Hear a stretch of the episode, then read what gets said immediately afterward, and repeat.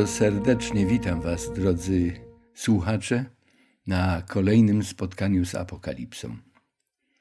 Zapraszam do czytania i rozważania dalszych treści tej niezwykłej księgi. Zaprośmy naszego Pana, aby i On był z nami, aby Jego święty duch pomagał nam dostrzec mądrość i zobaczyć piękno i głębie poselstwa, poselstwa zapisanego w 21 rozdziale Apokalipsy. Módlmy się. Drogi nasz Panie Boże, zbliżamy się do końca czytania i rozważania Księgi Objawienia. Dotychczas oglądaliśmy straszne nieraz sceny panoszenia się nieprawości, sceny ucisku, prześladowania, trwogi.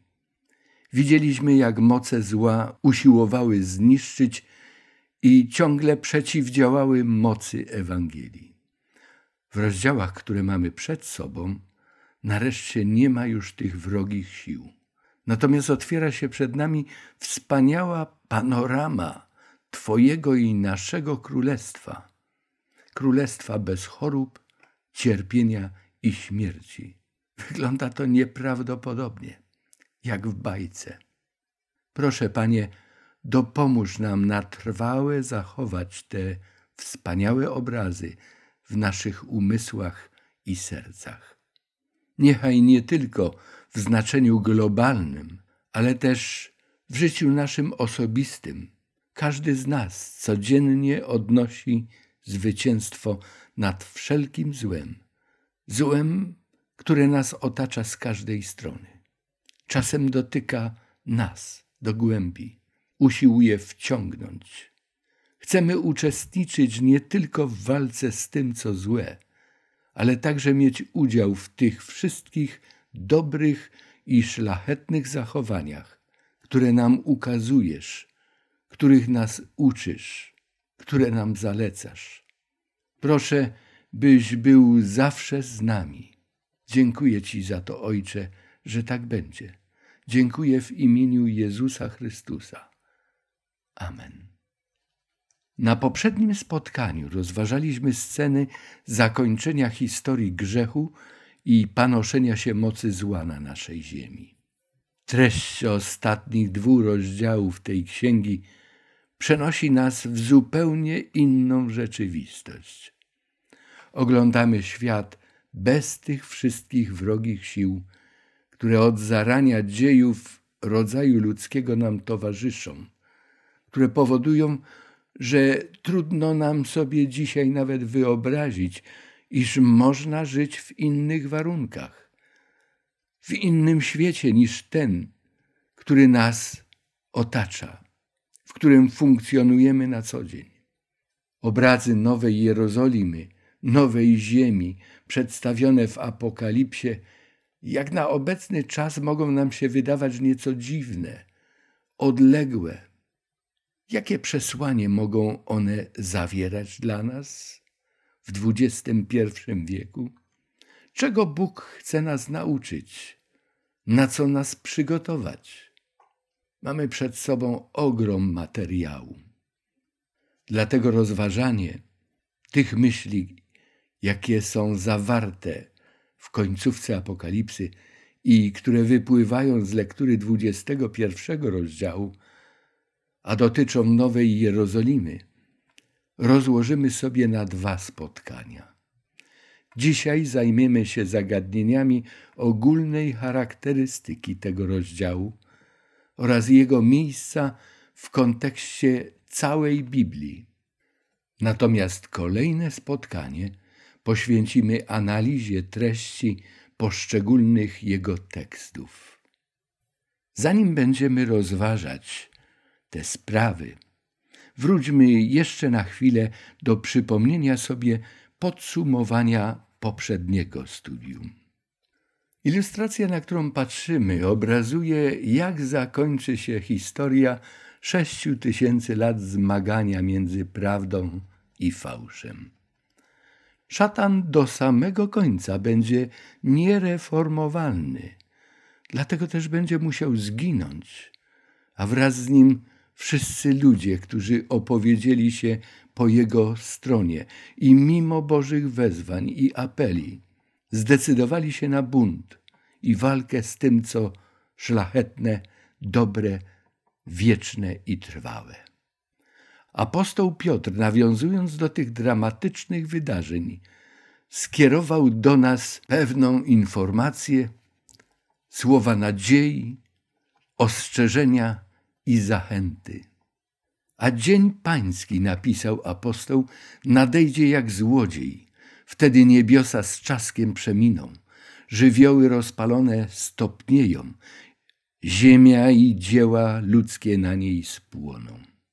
Ale my, napisał Piotr, my oczekujemy według obietnicy Jego, obietnicy Jezusa Chrystusa, nowych niebios i nowej ziemi, których mieszka sprawiedliwość. Przeto umiłowani, niemal błaga tutaj apostoł. Umiłowani, oczekując tego, starajcie się, abyście znalezieni zostali przed Nim bez skazy i bez nagany, w pokoju. Ogień, który zniszczy diabła i jego sojuszników, oczyści też nasz glob z wszelkich skutków grzechu i nieprawości. Oto wszystko nowym czynię. Tak więc wielki bój został zakończony. Ziemia ogniem oczyszczona od grzechu i zła. Odnowiona ziemia jest gotowa do przyjęcia jej mieszkańców. Ojciec Niebiański oferuje nam życie wolne od bólu, od łez i od śmierci. Jest to nowa ziemia i nowe warunki życia na niej. Dwa ostatnie rozdziały Apokalipsy opisują nam to z dużą dokładnością, jaką potrafimy dzisiaj zrozumieć. I otrze Bóg wszelką łzę z oczu ich. Czytamy w dwudziestym pierwszym rozdziale. I śmierci już nie będzie, ani smutku, ani krzyku, ani mozołu już nie będzie. Albowiem pierwsze rzeczy przeminęły. I rzekł ten, który siedział na tronie, oto wszystko nowym czynię. I mówi, napisz to, gdyż słowa te są pewne i prawdziwe. Wyobrażam sobie Jana, który chyba spisywał na bieżąco to, co oglądał, aby niczego nie przeoczyć. I w pewnym momencie zatrzymał się i słyszy te słowa ponaglenia. Napisz, to jest prawda, to nie jest bajka, to jest rzeczywistość. Wspaniały to obraz. Walka ze złem już dobiegła końca. Nawet wśród zwierząt nie ma śladu drapieżności. Zamknął się ten krąg wydarzeń, który rozpoczął się dla ludzkości w raju. I również w rajskich warunkach będzie kontynuowany. Apokalipsa ukazuje zamknięcie się jakiegoś kręgu, jakiegoś koła w Bożym działaniu. Jest to krąg wspaniałego początku, a następnie upadku pierwszych naszych rodziców, kolejno całej ludzkości. Długa, wielotysięczna historia zła, grzechu, które powstały w wyniku pierwszego buntu, pierwszego braku ufności w Boże rady i prowadzenie. I wreszcie powrót do normalności. Zapis biblijny od stworzenia do odkupienia. Od pierwszej księgi Mojżeszowej, księgi rodzaju, aż do apokalipsy, tworzy taki jeden wielki krąg. Ziemia, ludzie, a zarazem cały wszechświat. Wszystko to wraca do normy. Bez apokalipsy nie poznalibyśmy finału wielkiego boju, podobnie jak bez księgi rodzaju nie wiedzielibyśmy o naszym pochodzeniu i upadku. dramacie, tragedii, która nastąpiła na naszej ziemi. Nasza saga kołem się toczy i to koło wkrótce się zamknie. Rozpoczęła się od Boga, u Boga i z Bogiem. Rozpoczęła się, gdy wszystko było cudownie, cudowne. Piękno, radość, pokój, życie, perspektywa wieczności. A to wszystko rozpoczęło się z uwagi na naszą własną niezależność, która tak bardzo dominuje nasze życie przez wszystkie wieki i w tej chwili też.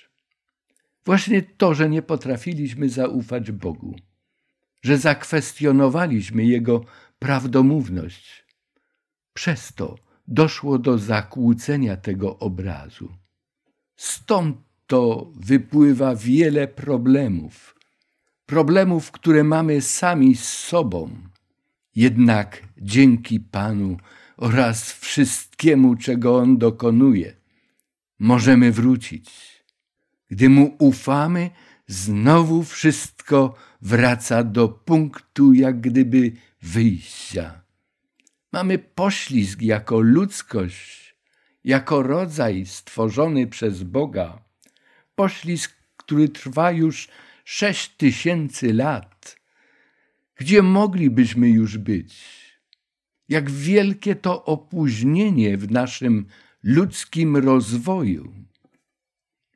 Końcówka Apokalipsy zawiera cztery niezwykłe i ważne opisy.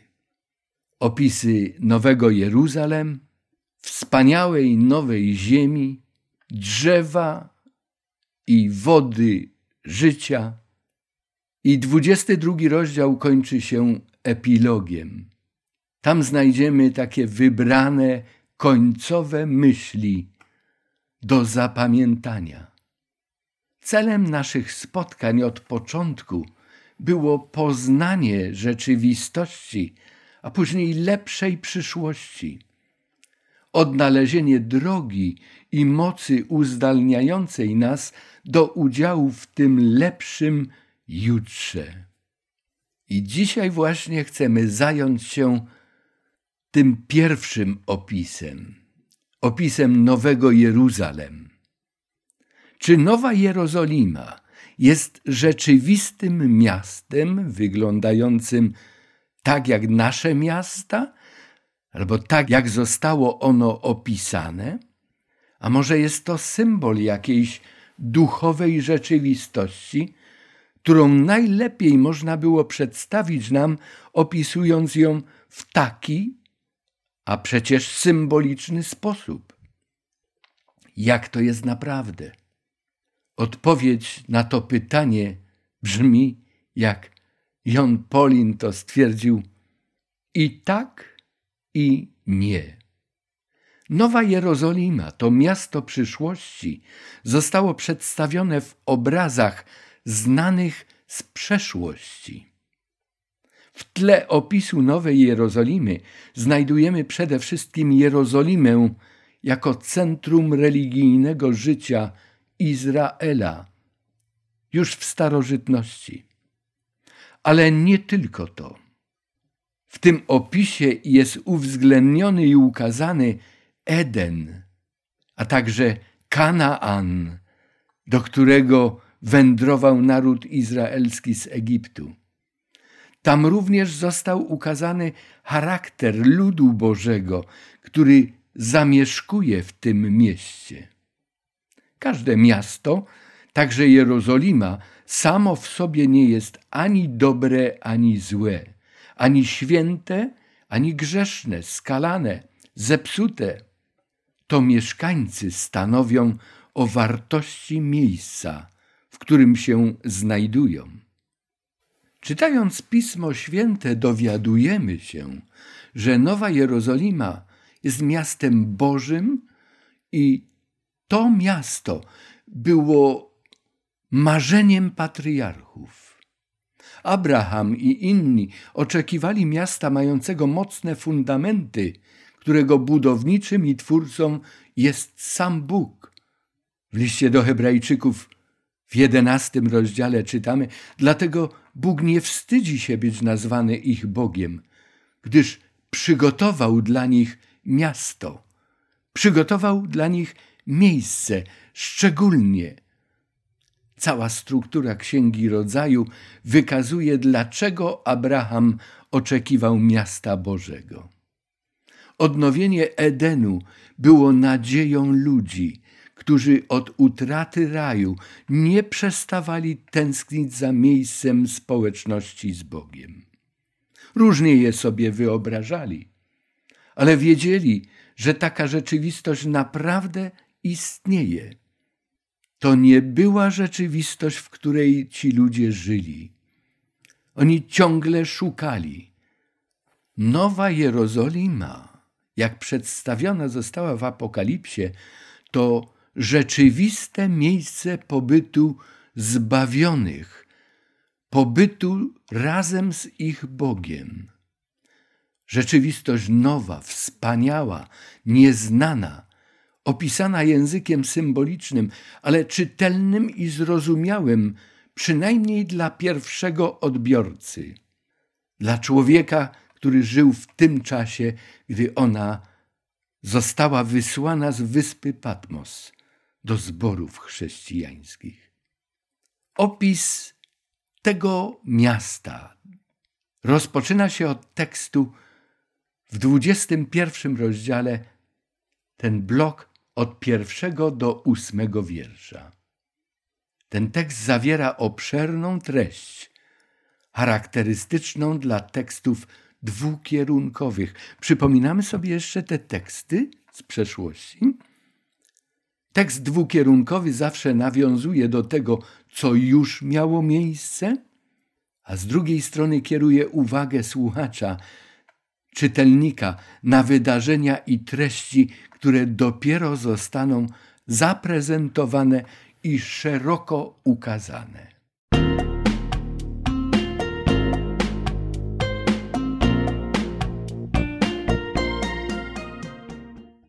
Dwukierunkowość tekstu z Apokalipsy, pierwsze osiem wierszy. Spojrzenie wstecz i w przyszłość.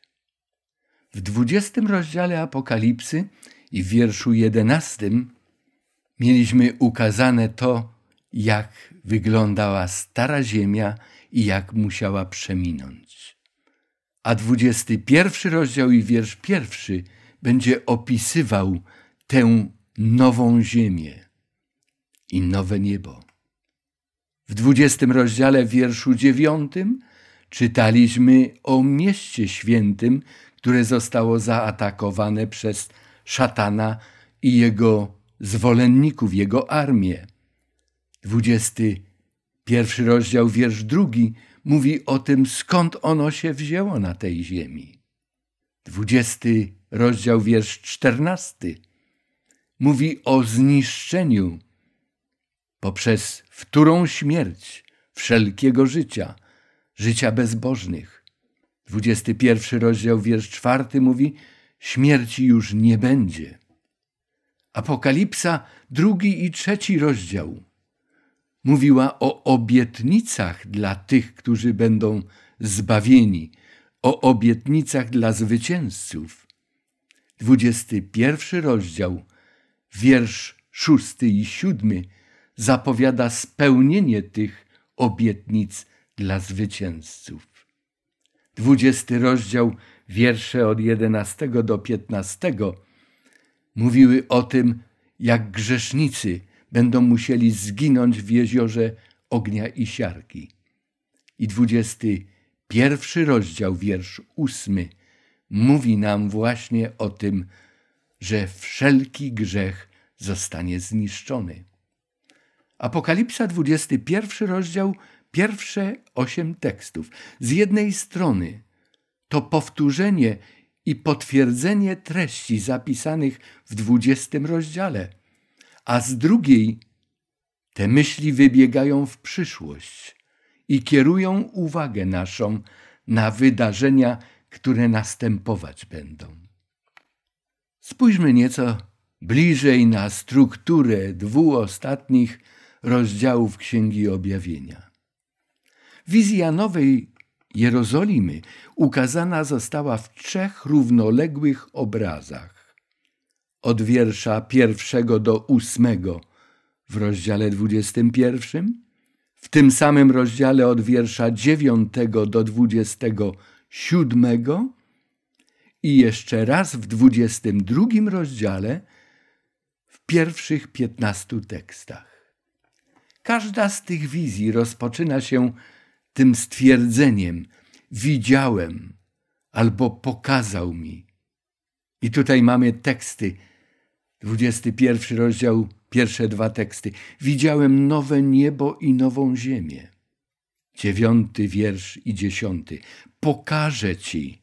I pokazał mi to miasto. Dwudziesty drugi rozdział. Pokazał mi rzekę wody żywota Każdą wizję kończy formuła o ograniczeniu wstępu do świętego miasta dla, według ósmego wiersza, bojaźliwych, niewiernych, skalanych. Dwudziesty siódmy wiersz mówi, że nic nieczystego tam nie wejdzie, a w dwudziestym drugim rozdziale, wiersz piętnasty, mówi o tym, że tam czarowników, kłamców i zabójców nie będzie. Oni mają inny los. Te trzy obrazy, o których mówiliśmy przed chwilą, zaznaczone są kolorystycznie też na tym ekranie. Początek wizji kolorem żółtym i zakończenie kolorem czerwonym. Opis Nowej Jerozolimy, podany w tych trzech obrazach, w tych trzech częściach posiada własną specyfikę. Każda wizja rozwija, poszerza i ubogaca materiał zawarty w wizji poprzedniej. Pierwszy obraz to pojawienie się miasta. Drugi szczegółowy jego opis. I trzeci obraz, trzeci kadr to wygląd centralnej części tego miasta. Jan widzi miasto tak, jak gdyby się do niego zbliżał. Najpierw ogląda je z pewnego dystansu. Następnie widzi je szczegółowo, opisuje bramy, później fundamenty. Dalej rozróżnia nawet materiały budowlane. Następnie ogląda wnętrze miasta. Kolejno to wszystko, co przed jego oczami zostało mu przedstawione. Mówi nawet o oświetleniu w tym mieście. Mówi o mieszkańcach tego miasta. Opisuje centrum miasta, tron Boga, tron baranka. Uważny czytelnik może spostrzec i jak gdyby wczuć się i odebrać wrażenie, które mógł odbierać prorok podczas otrzymywania kolejnych wizji dotyczących tego miasta. Jest to miasto kosmiczne, ale jakże otwarte, powszechnie dostępne dla mieszkańców. Jego bramy są zawsze otwarte, zapraszają. Każdy, kto pragnie tam wejść, i przyjąć warunki jego obywatelstwa, nie musi być bezdomny. Ludzie i narody wnoszą do niego swoją chwałę, dostojeństwo. A więc kim są te narody? Jacy to ludzie? Wizję Nowej Jerozolimy trudno jest zrozumieć bez poznania tła wydarzeń, do których ona się odnosi. Do tego już jesteśmy przyzwyczajeni po przestudiowaniu prawie całej księgi Apokalipsy. Przypatrzmy się też tłu, które pierwszym odbiorcom treści tej księgi pomagało rozumieć charakter tych wizji, w tym charakter tego miasta. Jakie znaczenie wizja ta mogła mieć dla uczniów Jezusa w czasach Jana? Jakie znaczenie może mieć dla nas dzisiaj. Jest to miasto Boże. Pierwsze skojarzenie, jakie nam się jawi to skojarzenie z Edenem, pierwszym oryginalnym mieszkaniem, jakie Bóg przygotował dla człowieka w tym Bożym raju. Czytamy o tym w Księdze Rozdziału, w pierwszych trzech rozdziałach. Księga Rodzaju, trzeci rozdział, wiersz ósmy. Bóg i człowiek są razem. I Apokalipsa, 21 rozdział, wiersz trzeci, ten sam obraz nam rysuje. Drugi rozdział Księgi Rodzaju, wiersz dziesiąty. Rzeka wypływająca z centrum tego ogrodu. Dwudziesty drugi rozdział, wiersz pierwszy w Apokalipsie ukazuje nam ten sam obraz. Księga Rodzaju, drugi rozdział, wiersz dziewiąty. Drzewo żywota. Drzewo żywota znajdujemy również w Apokalipsie, w ostatnim rozdziale, w wierszu drugim. Drugi rozdział, wiersz siedemnasty, mówi o drzewie znajomości dobrego i złego, drzewie próby. Takiego drzewa nie ma na nowej ziemi. Człowiek już przeszedł próbę, zaufał swojemu Zbawicielowi. Już nie wątpi, nauczył się lojalności, posłuszeństwa, dlatego że zrozumiał miłość, wielką dobroć Bożą.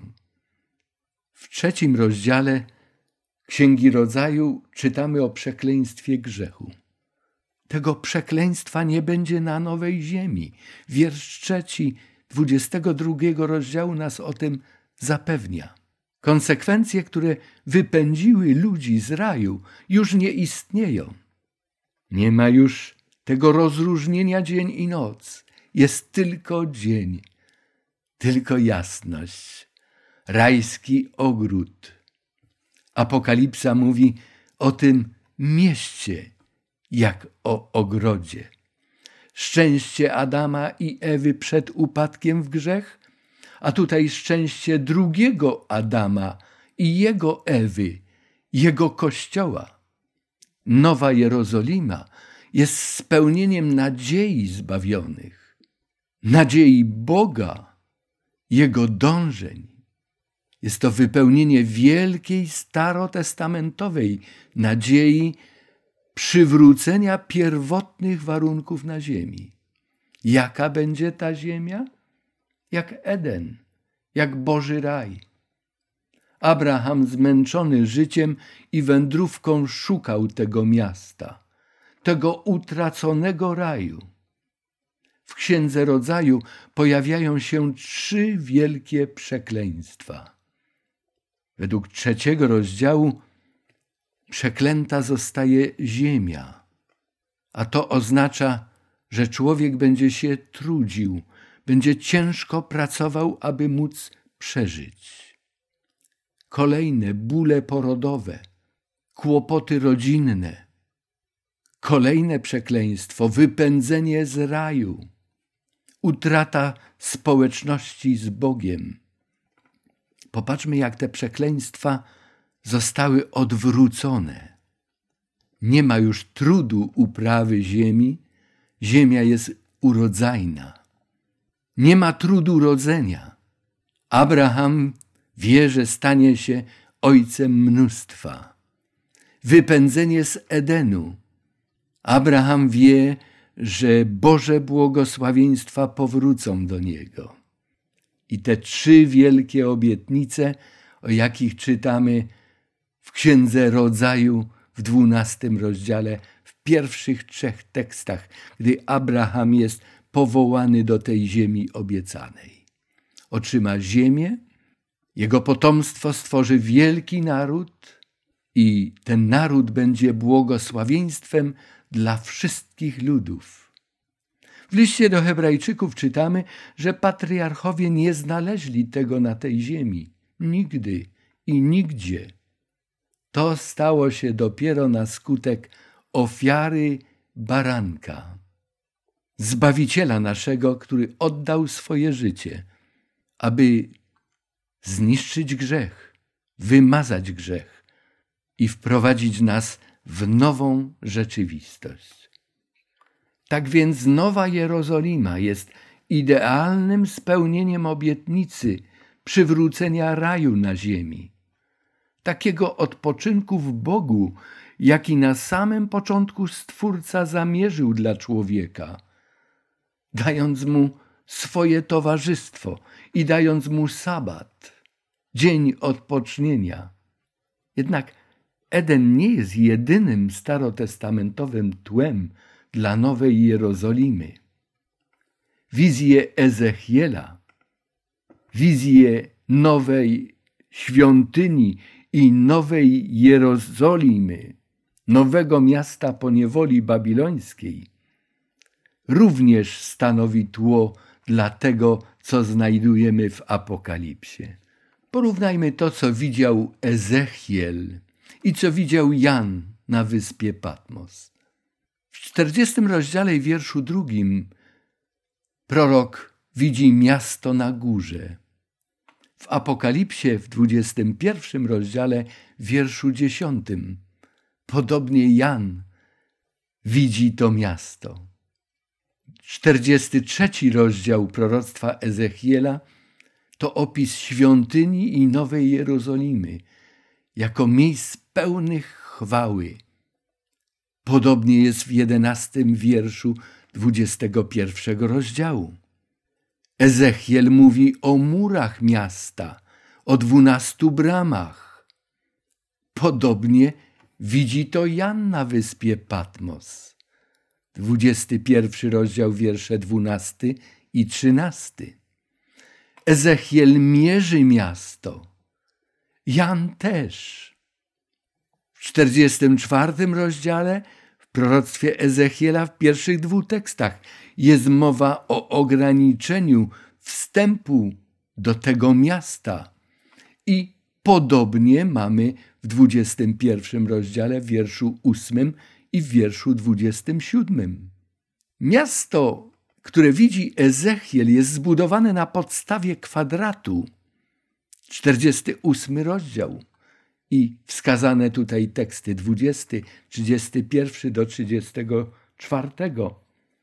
Podobnie odnotował Jan w 16 wierszu 21 rozdziału. Bóg na tronie jest ta cudowna wizja dana Ezechielowi, na którą zwrócił uwagę w siódmym wierszu 43 rozdziału. Bóg ze swoim ludem.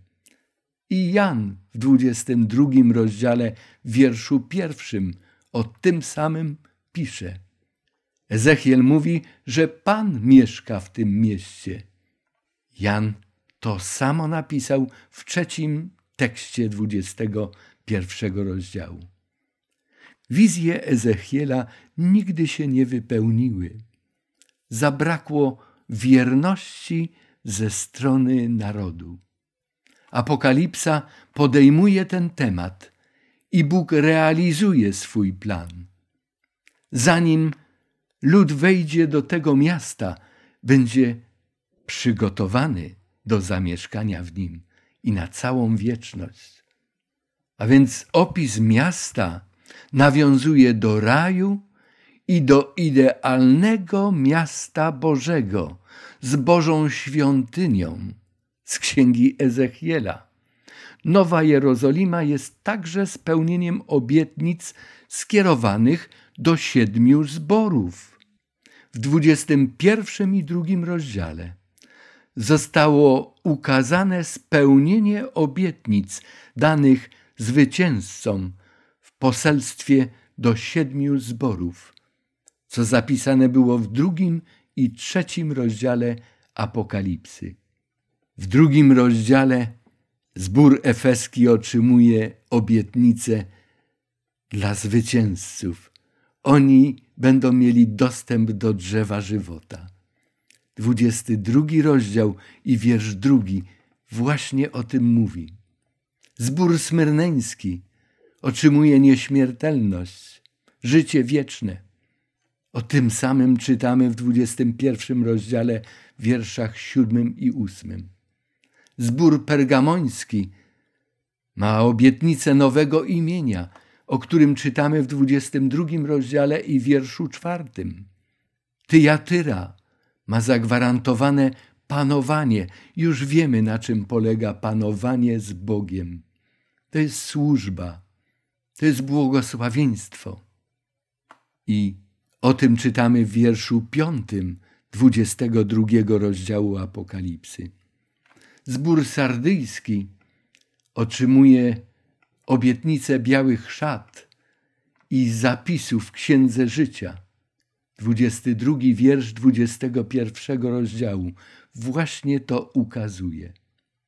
Filadelfia otrzymuje obietnicę stałego miejsca w świątyni. I to samo w 21 rozdziale wierszu trzecim możemy przeczytać. Laodyceja ma zagwarantowane miejsce na tronie, jeśli zwycięży. Rozdział 22, wiersze 3 i 5 to nam ukazują w rzeczywistości. Nowa Jerozolima jest więc miejscem spełnienia wszelkich marzeń i pragnień ludzi zbawionych.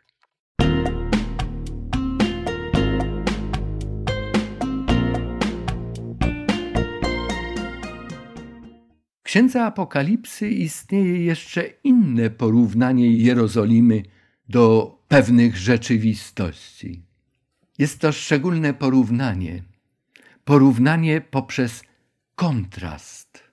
Jest to porównanie dwóch miast, które występują w Apokalipsie: Babilonu i Jerozolimy. Obydwie wizje zostały zapowiedziane przez aniołów z czaszami, z którymi zetknęliśmy się w szesnastym rozdziale. W pierwszym wierszu siedemnastego rozdziału anioł przedstawia Babilon, mówi Janowi, że mu pokaże to miasto, a w dwudziestym pierwszym rozdziale, wierszu dziewiątym, również anioł z czaszą. Zapowiada Janowi, iż ukaże mu nowe Jeruzalem.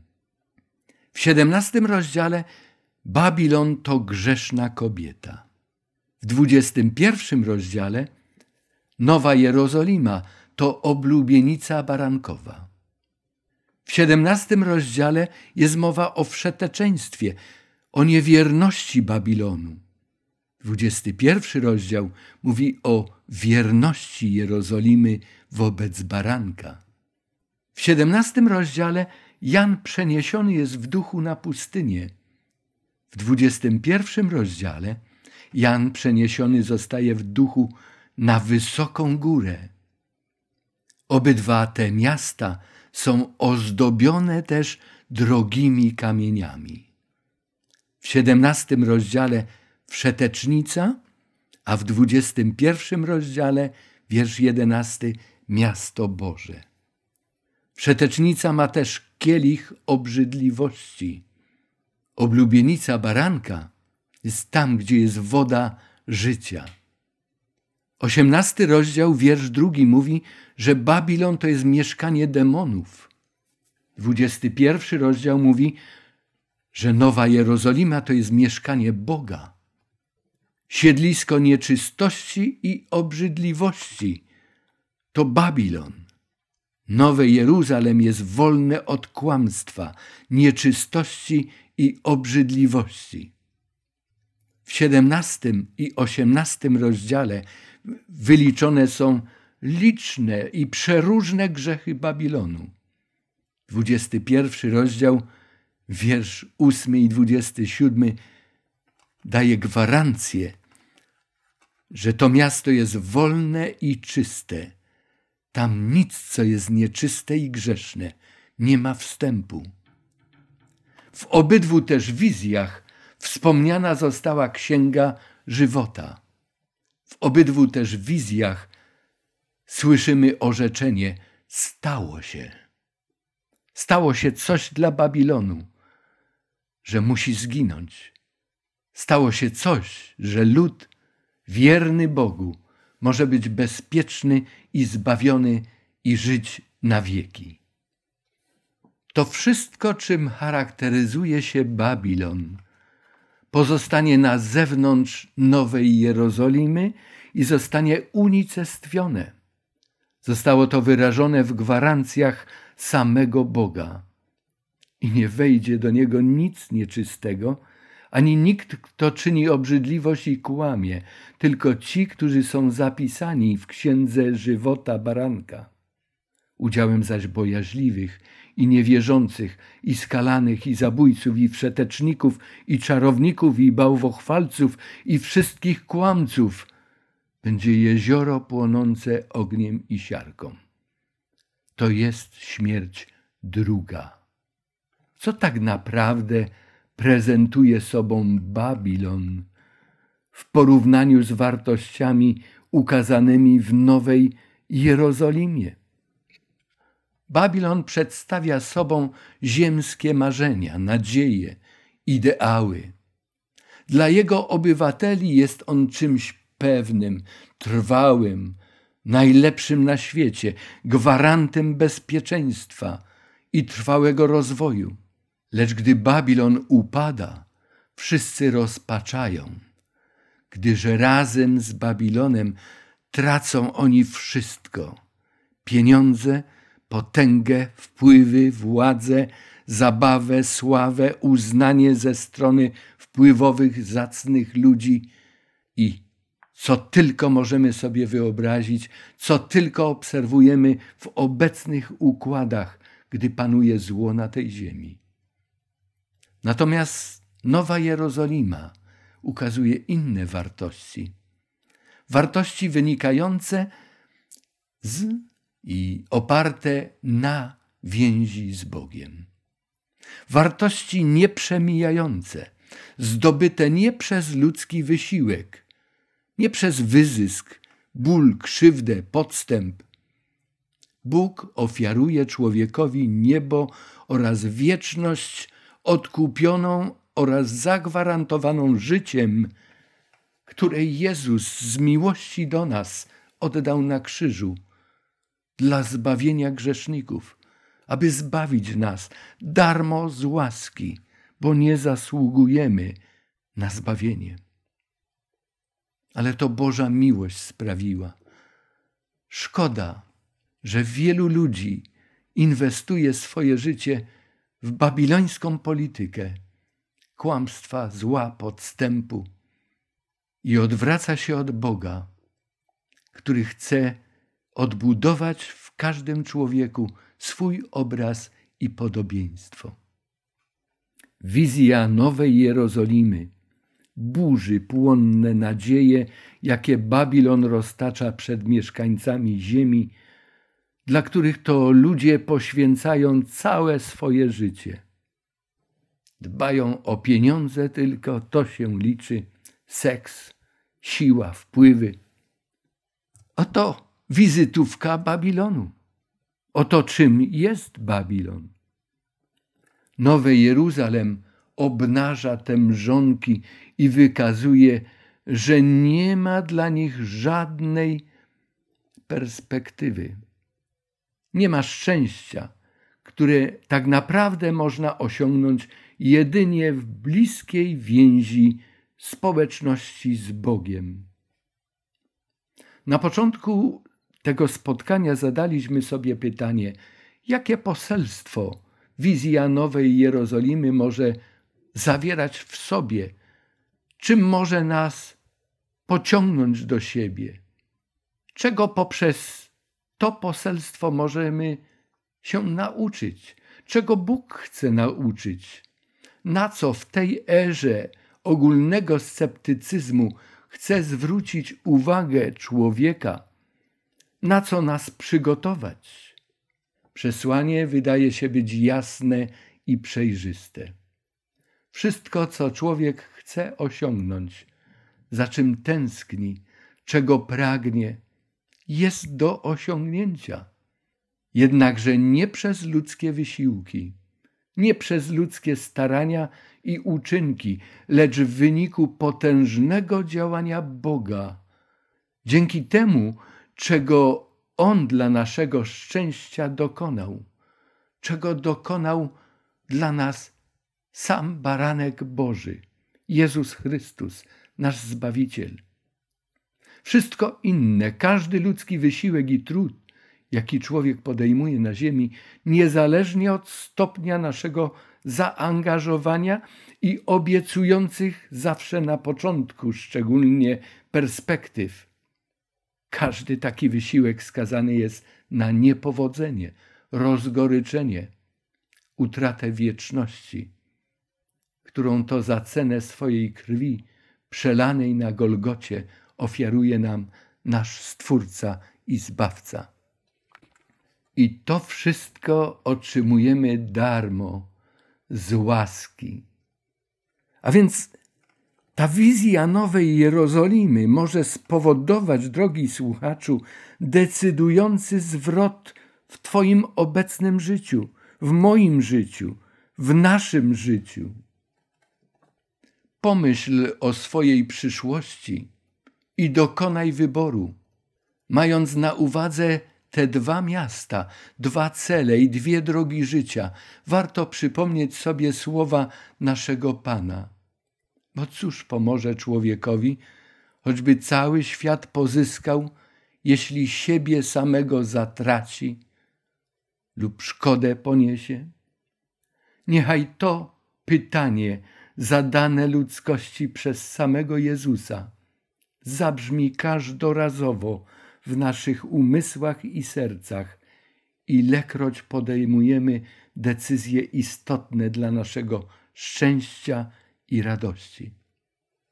Jestem wdzięczny Bogu za ten dwudziesty pierwszy rozdział Apokalipsy.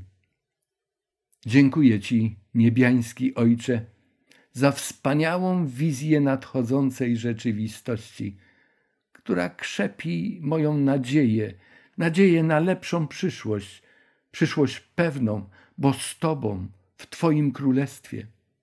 Ojcze, dopomóż nam zrozumieć prawdziwe i trwałe szczęście. Pomóż nam uchwycić się Twojego słowa, które jedynie ma wartość. Jest ono wiarygodne, trwałe, prawdziwe. Dziękujemy, że Nowe Jeruzalem pokazane nam w Apokalipsie w porównaniu ze zwodniczym przepychem Babilonu nie tylko kontrastuje te dwa realne światy, ale także ukazuje sposób na trwałe osiągnięcie wartości, które liczą się w życiu. Pomóż mi, pomóż nam wszystkim zdać sobie sprawę z faktu, że prawdziwe szczęście nie polega na zdobywaniu tego, co oferuje ten świat, czym nęci nas szatan, i to w dodatku metodami rozpowszechnionymi na tej ziemi. Wszystko to szybko przemija i zawsze na koniec pozostawia gorycz i łzy. Pomóż każdemu z nas nie tylko dostrzec, ale mocno uchwycić wartości nieprzemijające, wartości, które Ty nam oferujesz, wartości, za które nasz Zbawiciel oddał swoje życie. W Jego to imieniu proszę, poświęć i zmień nasze zachowania, jeśli są niezgodne z Twoją wolą, abyśmy mieli dział w wiecznym życiu z Tobą. Amen. Dziękuję za udział w dzisiejszym spotkaniu. Kolejne spotkanie będzie miało tytuł Wspaniała nowa rzeczywistość. Zadanie domowe, jedno z ostatnich, drogi słuchaczu.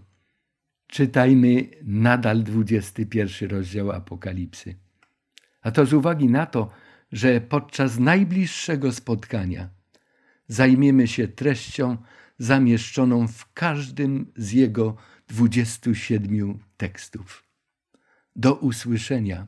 Niech Bóg ma Was i Waszych najbliższych w swojej pieczy.